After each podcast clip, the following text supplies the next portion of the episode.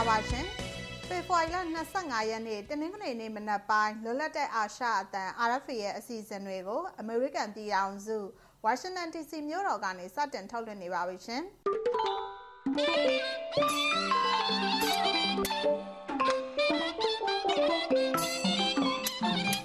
ကျမဝေမာထွန်းပါရှင်ဒီနေ့မနက်အစီအစဉ်မှာနောက်ဆုံးရသတင်းတွေနဲ့အတူ ကောလင်းတမျိုးလုံးမိရှုဖြတ်စည်းခံထားရတဲ့အကြောင်းတင်ပြချက်နဲ့ရခိုင်တိုင်းသားဘာသာအစီအစဉ်တွေကိုထုတ်လွှင့်မှုပြင်ဆင်ထားပါတယ်ရှင်။သတင်းတွေကိုအရင်ဆုံးထုတ်လွှင့်ပါမယ်ရှင်။စက်ကောင်စီရဲ့စစ်မှုထမ်းဖို့စင့်ခေါ်တဲ့လုပ်ငန်းတွေမှာမပါဝင်ဖို့နဲ့ပါဝင်ပတ်သက်သူတွေဟာအကြမ်းဖက်မှုကျူးလွန်သူတွေဖြစ်တယ်လို့အမျိုးသားညီညွတ်ရေးအစိုးရ NUG ကသတိပေးလိုက်ပါတယ်။ စစ်ကောင်စီရဲ့ပြည်သူစစ်မှုထမ်းစင့်ခေါ်ရေးဗဟိုအဖွဲ့ကပြည်သူတွေကိုပေါ်တာဆွဲတာအာဓမဖမ်းဆီးတာတင်နန်းပေးတာစစ်မှုထမ်းဖို့စင့်ခေါ်တာစတဲ့လုပ်ငန်းတွေမှာပူးပေါင်းဆောင်ရွက်ရင်အကြမ်းဖက်မှုကိုကျူးလွန်ရာရောက်တယ်လို့ NUG ရဲ့အကြမ်းဖက်မှုတိုက်ဖြတ်ရေးဗဟိုအဖွဲ့ကဖေဖော်ဝါရီလ24ရက်နေ့မှာကြေညာချက်ထုတ်လိုက်တာပါ။လိုင်းနာဖို့ပြက်ကွက်ခဲ့ရင်အကြမ်းဖက်မှုတိုက်ဖြတ်ရေးဥပဒေနဲ့အညီအပြစ်ပေးအရေးယူမယ်လို့ NUG ကပြောပါတယ်။ စစ်ကောင်စီကပြည်သူစစ်မှုထမ်းဥပဒေကိုကျင့်သုံးမဲ့အကြောင်းကြေညာပြီးတဲ့နောက်စစ်မှုထမ်းစင့်ခေါ်ရေးဗဟိုအဖွဲ့ကိုစစ်ကောင်စီကဖွဲ့စည်းထားပါတယ်။စကိုင်းတိုင်းကလေးမြို့နယ်မှာစစ်ကောင်စီတပ်နဲ့ချင်းမျိုးသားကာကွယ်ရေးတပ် CNDF တို့ကြားဖြစ်ခဲ့တဲ့တိုက်ပွဲမှာ CNDF ရဲ့ဒုတိယစစ်ဦးစီးချုပ်နဲ့အဖွဲ့ဝင်2ယောက်သေဆုံးခဲ့ပါတယ်။ CNDF ဒုစစ်ဦးစီးချုပ်ရောရှုနဲ့တပ်ဖွဲ့ဝင်2ဦးတို့ကိုအောင်သာရွာအနီးမှာ စက်ကောင်စီတပ်နဲ့ပြူစောထီတွေကဖေဖော်ဝါရီလ23ရက်နေ့မှာဖမ်းဆီးတပ်ဖြတ်ခဲ့တာလို့ CNDF စစ်ဘက်ဆိုင်ရာပြောခွင့်ရသူစလိုင်းကျုံငိုင်က RFA ကိုဖေဖော်ဝါရီလ24ရက်နေ့မှာပြောပါတယ်။ကြိုတင်သတင်းရတဲ့အတွက်အခုလိုဖမ်းဆီးတပ်ဖြတ်ခဲ့တာဖြစ်နိုင်တယ်လို့သူကဆိုပါတယ်။ CNDF ကဒေသခံပြည်သူ့ကာကွယ်ရေးတပ်တွေဘက်ကပါဝင်တိုက်ခိုက်ခဲ့တာလို့ပြောပါတယ်ရှင်။ စကိုင်းတိုင်းရွှေဘိုမြို့နယ်မြင်းစည်းရွာမှာကိုဝင်ဆောင်အမျိုးသမီးနဲ့အသက်3နှစ်အရွယ်ကလေးငယ်နဲ့မိသားစုဝင်9ဦးအသက်ခံခဲ့ရတဲ့ကိစ္စအပါအဝင်စက်ကောင်စီရဲ့ကျူးလွန်မှုတွေကိုအပြစ်ပေးနိုင်ဖို့တာဝန်ယူဆောင်ရွက်သွားမယ်လို့အမျိုးသားညီညွတ်ရေးအစိုးရ NUG ကပြောလိုက်ပါတယ်။အခုဖေဖော်ဝါရီလ15ရက်နေ့ညနေ9:00နာရီလောက်မှာမြင်းစည်းရွာက စစ်ကောင်စီလက်အောက်ခံပြူစောတိခေါင်းဆောင်ဦးထေးအောင်ဦးဆောင်တဲ့အဖွဲ့ဝင်15ဦးဟာပြီးခဲ့တဲ့2020ခုနှစ်ရွေးကောက်ပွဲမှာရက်ကျေးကော်မရှင်ဥက္ကဋ္ဌတာဝန်ယူခဲ့သူရဲ့မိသားစုဝင်တွေကိုပြစ်မှတ်ထားတပ်ဖြတ်ခဲ့တယ်လို့ NUG ကဖေဖော်ဝါရီလ24ရက်နေ့မှာသတင်းထုတ်ပြန်ပါတယ်။တေဆုံးသူတွေဟာအသက်80အရွယ်ဒေါ်စင်နန်းအသက်55နှစ်အရွယ်ဦးလင်းဒေါ်မြင့်တန်းအသက်42နှစ်အရွယ်ဒေါ်စန်းမင်း အသက်24နှစ်အရွယ်ကိုဝင်ဆောင်တဲ့မတ်ချစ်စုအောင်နဲ့သူ့ရဲ့သားအသက်3နှစ်အရွယ်မောင်စေထူးအောင်တို့ဖြစ်တယ်လို့ဒေသခံတွေကပြောပါတယ်။ဒေသခံတွေရဲ့ပြောဆိုချက်အရမြင်းစည်းရွာဟာပြူစောထီအားကောင်းတဲ့ရွာဖြစ်တယ်လို့သိရပါတယ်။စစ်ကောင်စီရဲ့စကိုင်းတိုင်းပြောခွင့်ရသူတိုင်းရင်းသားရေးရာဝန်ကြီးဦးဆိုင်နိုင်နိုင်ကျော်ကတော့ဒေသခံတွေအသက်ခံရတဲ့ကိစ္စသူမသိရသေးကြောင်း RFA ကိုပြောထားပါတယ်ရှင်။ နိုင်ငံရေးအာဏာကိုရယူဖို့လက်နက်ကင်လန်းစင်ကလွဲပြီးတော့တခြားနည်းလမ်းမရှိတဲ့အတွက်မွန်ပြည်ဖက်ဒရယ်ကောင်စီအပါအဝင် တခြားတော်လှန်ရေးအင်အားစုတွေနဲ့ပူးပေါင်းဖို့မွန်လူထုကိုဖေဖော်ဝါရီလ25ရက်နေ့မှာကြာရောက်တဲ့မွန်အမျိုးသားနေ့မှာမွန်ပြည်ဖက်ဒရယ်ကောင်စီကတိုက်တွန်းလိုက်ပါတယ်။ မွန်ပြည်ဖက်ဒရယ်ကောင်စီ MSFC ဟာမွန်ပြည်နယ်အတွင်းကနိုင်ငံရေးလူမှုရေးအဖွဲ့တွေစုပေါင်းထားတဲ့တော်လှန်ရေးအဖွဲ့ဖြစ်ပြီးတော့စစ်အာဏာရှင်တိုက်ဖြတ်ရေးအတွက်မွန်ပြည်တော်လှန်ရေးတပ် MSRF ကိုလည်းဖွဲ့စည်းတည်ထောင်ထားပြီးဖြစ်တယ်လို့ဆိုပါတယ်။လက်ရှိမှာစစ်ကောင်စီကမွန်လူငယ်တွေကိုစစ်မှုမထမ်းမနေရဥပဒေနဲ့စစ်ကောင်စီတပ်ထဲကိုသွတ်သွင်းဖို့ကြိုးပမ်းနေတာကြောင့်ရက်တီဖို့ပိုခက်ခဲလာတယ်လို့ပြောပါတယ်။ တိုင်းရင်းသားတွေအနေနဲ့စာပေစကားယဉ်ကျေးမှုတွေကိုဘလို့ပဲထိမ့်သိမ်းဆောင်ရှောက်ပါစေနိုင်ငံရေးအာဏာလက်ဆုပ်လက်ကင်မရှိတဲ့၍လူမျိုးတိမ်ကောပပျောက်တာတွေကြုံတွေ့နေရမှာပဲလို့ NSFC ရဲ့ထုတ်ပြန်ချက်မှာဖော်ပြထားပါတယ်ရှင်။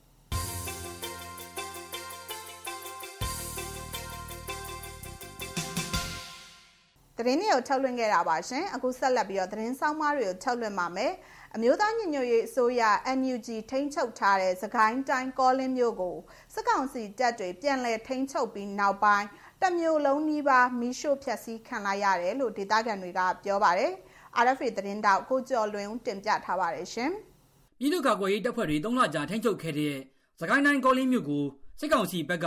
ဖေဖော်ဝါရီလ၄ရက်လောက်ကစပြီးအပြင်းအထန်ပြန်လည်ထိုးစစ်ဆင်တိုက်ခိုက်ခဲ့တာဖြစ်ပါတယ်။အဲ့ဒီလိုထိုးစစ်ဆင်တိုက်ခိုက်တာကြောင့်ဖေဖော်ဝါရီလ12ရက်နေ့လောက်မှာတော့ စစ်ကောင်စီဟာမြို့ပေါ်ရက်ကွက်တွေကိုပြန်လည်ထိန်းချုပ်နိုင်ပြီးကျန်းတဲ့ကြေးရွာတွေကိုတော့ကာကွယ်ရေးတပ်ဖွဲ့တွေကထိန်းချုပ်ထားဆဲဖြစ်တယ်လို့ဒေသခံတွေကပြောပါတယ်။စစ်ကောင်စီကပြန်လည်ထိန်းချုပ်ပြီးနောက်ပိုင်းမြို့ပေါ်ရက်ကွက်အားလုံးနီးပါးကိုမိရှို့ဖျက်ဆီးလိုက်တယ်လို့လုံခြုံရေးအရာအမည်မဖော်လိုတဲ့ဒေသခံတဦးက RFA ကိုပြောပါတယ်။ ကျွန်တော်တို့ကိုလေးမျိုးပေါ်မှာရက်ကွက်ရှိရက်ကွက်ရှိတယ်။အဲ့ရှိရက်ကွက်လုံးရှုခံရတယ်ကြံတယ်လို့ယူဆရတဲ့အရာတွေပေါ့နော်ကျွန်တော်တို့လည်းတပ်ပုံတွေပဲကြည့်ပြီးသုံးသပ်ရဆိုတော့အခိုင်အမာဆောက်ဦးရှိတဲ့နေရာတွေကျန်နေဗျအဲအဲ့ဒီနေရာတွေကိုသူတို့တက်တွေချပြီးတော့မှ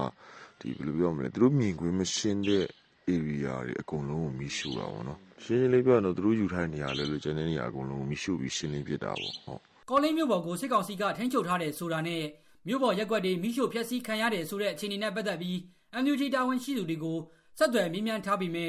လက်တလောပြန်လည်ဖြစ်ဆိုတာမရှိသေးပါဘူးစစ်ကောင်စီတပ်ဟာကောလင်းမြို့ပေါ်ရက်ွက်တွေအပြင်မြို့အနီးနားမှာရှိတဲ့ကျွန်းလာကုန်းခွန်တောင်လက်ပံခွေကျူတော်ရွာမဆတဲ့ဆယ်ရွာလောက်ကိုလည်းမိရှို့ခဲ့တယ်လို့ကောလင်းတော်လိုင်းရေးအဖွဲ့ KR ကသတင်းထုတ်ပြန်ထားပါတယ်စစ်ကောင်စီဘက်ကမိရှို့ဖျက်ဆီးခဲ့တာကြောင့်လက်ရှိကောလင်းမြို့ရဲ့80ရာခိုင်နှုန်းဟာပျက်စီးနေပြီလို့ဒေသခံတွေကပြောပါတယ်နေအိမ်တွေမိရှို့ခံရတာကြောင့် ပြန်ခွင့်ရမယ်ဆိုရင်တောင်ပြန်စရာအိမ်မရှိတော့ဘူးလို့လုံခြုံရေးအရာအမည်မဖော်လိုတဲ့စစ်ဘေးကြောက်ကတဲ့ဒေသခံတဦးကပြောပါတယ်ကျွန်တော်ကိုယ်တိုင်လည်းစစ်ပေးရှောင်တယောက်ပဲဆိုတော့ကိုယ့်ရင်ကိုယ်ရမှနေရတာမဟုတ်ဘူးဒီတစ်ခေါက်ကကျတော့ဗျအိမ်ပြန်လည်းကျွန်တော်တို့မှအိမ်မရှိတော့မြို့လည်းပြန်ဝင်ခွင့်ရမယ်ဆိုရင်တော့မှအိမ်မရှိတော့ဘူးပေါ့နော်စစ်ကောင်စီဟာကောလင်းမြို့ကိုပြန်ရဖို့စတင်ထိုးစစ်ဆင်ကြတဲ့ကလီရင်တွေလက်နက်ကြီးတွေနဲ့တောက်လျှောက်ပစ်ခတ်ခဲ့တာကြောင့်လဲလူနေအိမ်တွေမိထောင်ပျက်စီးခဲ့ပါတယ်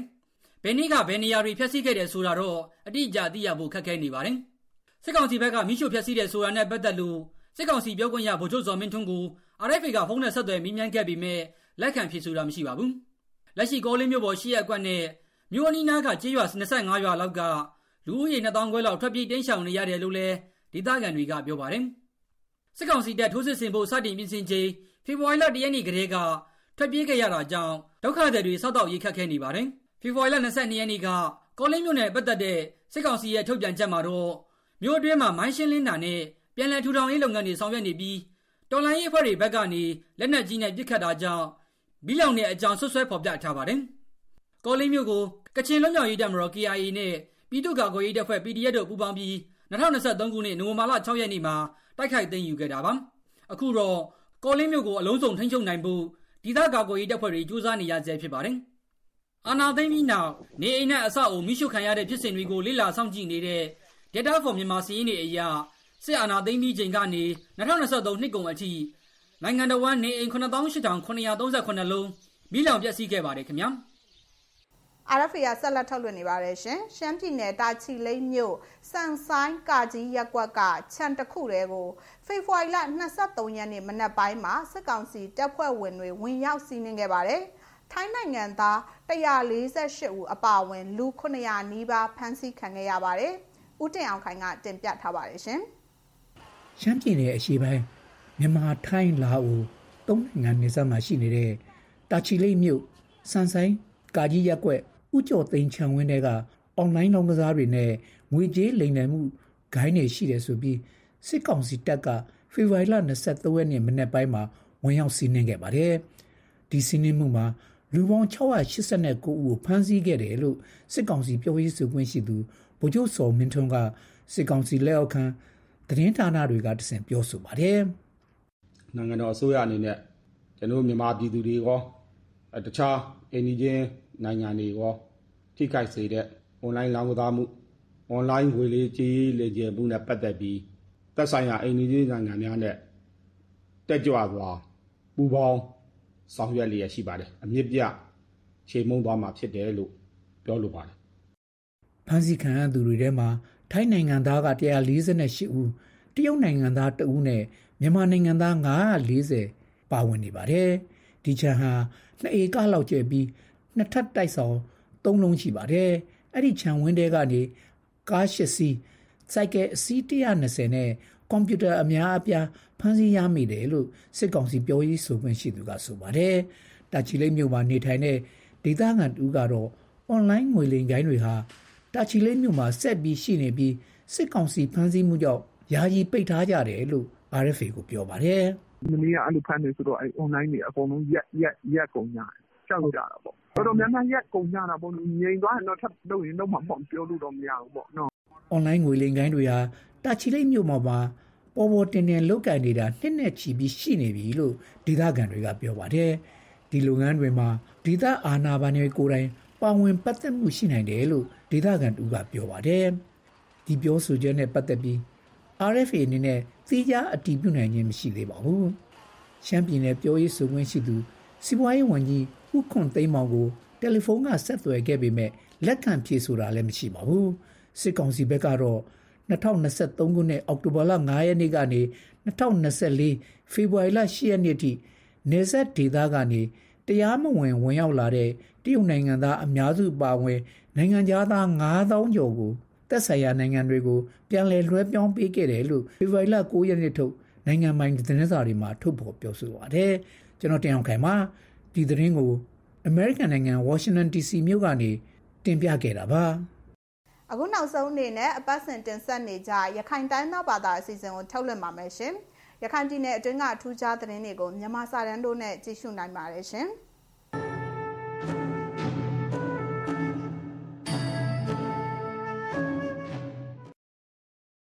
ဒါလီဇောမိုထားပါချေပါအရိဖေခိုင်ပါပါဆက်ကနေကရိုဆိုဘာရဲ့ဒီတပတ်မှာတော့အခိုင်ပင်နေတော့ကထူခရဲတတောင်ဖိုက်စင်တီကိုတောင်ပါပြလာပေါ်ခိုက်ပါတယ်ရခိုင်ဒေသခံဒီအနေနဲ့ရန်ကုန်အပါဝန်တခါမူဂရီတီကိုပရောင်ရီကဘောစားလွမ်လောက်နေမိမာစိတ်ရှောင်းကေဖို့အေကဖိတ်ခေါ်လိုက်ပါတယ်အေဇောကြောက်တော်မရောမွန်ဘရာမရီဘုံပလာဝတောင်ဘရိုစာရမရွန်နီတီကိုတင်ပိုက်ထားပါတယ်ပရိခါရရာတဘက်တရှိုးတော့စိုက်တွေပါဝန်ပရိနေအနှံက တိတ်နေရှိဒေသခံဒီဆိုရခိုင်ပရိနေကိုစွန့်ခွာအားခဲ့ပါတယ်ရန်နောက်ရန်ကုန်နဲ့မန်ဒလေးရိုမှာရခိုင်တီကိုပိုင်မဲ့ထားမလားသွေးထိုးလုံးစုံမှုဒီဟင်းနေရလို့ AE ဖေဖော်ဝါရီ20ရက်နေ့ထုတ်ပြန်ရှာမှာပိုင်းပါတယ်ရန်ကုန်ရောင်မိုတီကိုတိန်ရှောင်ပေါ်စားအေးထင်းရှုံနေမီဒီမှာခိုးလုံခဲ့ပေါ်တိုက်တွန်းထားစပါရခိုင်ပြည်နယ်ပေါ်နာဂျွန်ရောမှာရခိုင်တပ်တော်အေးနဲ့စိုက်ကောင်စီရောဖေဖော်ဝါရီ20ရက်နေ့ကနေစတော့မနာတိုက်ပွဲဒီ training ခဲ့ပါတယ်လာနာဂရီအပရန်နဲ့ပိုက်ခဲနေကြပနာမရိုးလင်းနဲ့နေရာအများစုမှာမိန်လောင်နေတယ်လို့မရိုးလင်းနေစရတဲ့တခင်တယော က်ကပြောပါတယ်မရိုးပေါ်မှာဒေသခင်တယောက်မှမကြံတော့ရတီတွေ့ရတယ်လို့သူကပြောပါတယ်ရမမာခရီမင်တေရောတခုနဲ့တောင်ပေါ်မှာစိုက်ကောင်စီတက်ကတက်ဆွေးထားစီဖိုက်ပနာစိုက်တွေကနေလာနာဂရီတဲ့ပိုက်ကူပြီးနေဆိုတွေ့ရပါတယ်တချို့ကတော့အေကလည်းလာနာဂရီနဲ့ပြင်လေးပိတ်ခဲခါပနာဖေဖော်ဝါရီ20ရက်နေ့မို့ထားစောပိုင်းမှာလာနာဂရီသုံးလုံးစိုက်တွေပတ်လိုက်ကြည့်တော့ကိုကြားတော့ခါရီလို့ပြောခဲ့ပါတယ်ဘလော်ဒီအပရီမှာစောက်ပါကန်နာကိုကိုမမကဆာလာတောင်ပရာပီလာပေါ်ဖိုက်ပါတယ်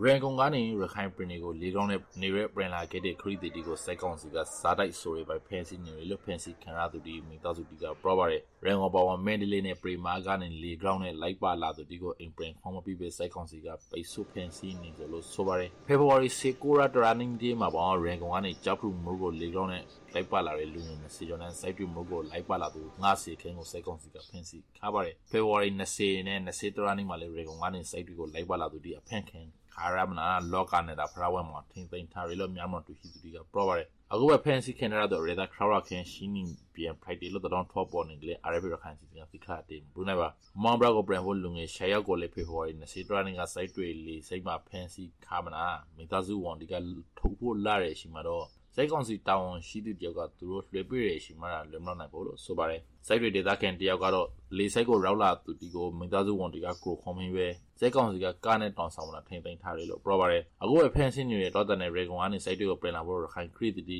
နေရဲပြင်လာနိုင်ပဲ training ကြရတယ်လို့သိရပါတယ်အရိပြခိုင်ပါတာဇက်ကိုစောင်းမြနာဆောင်ပြခခဲ့တဲ့တော့တာချန်ပြလုံး online ရှမ်းမြေခဲ့ပါလိယေစုတောင်ပါကျွန်တော်ကတော့အောင်ထူပါ RFA ရဲ့အစီအစဉ်တွေကိုဒီမှာပဲညံ့နာပါရစေမြန်မာပြည်သူပြည်သားများဘေးအန္တရာယ်အပေါင်းကင်းဝေးပါစေရှင်။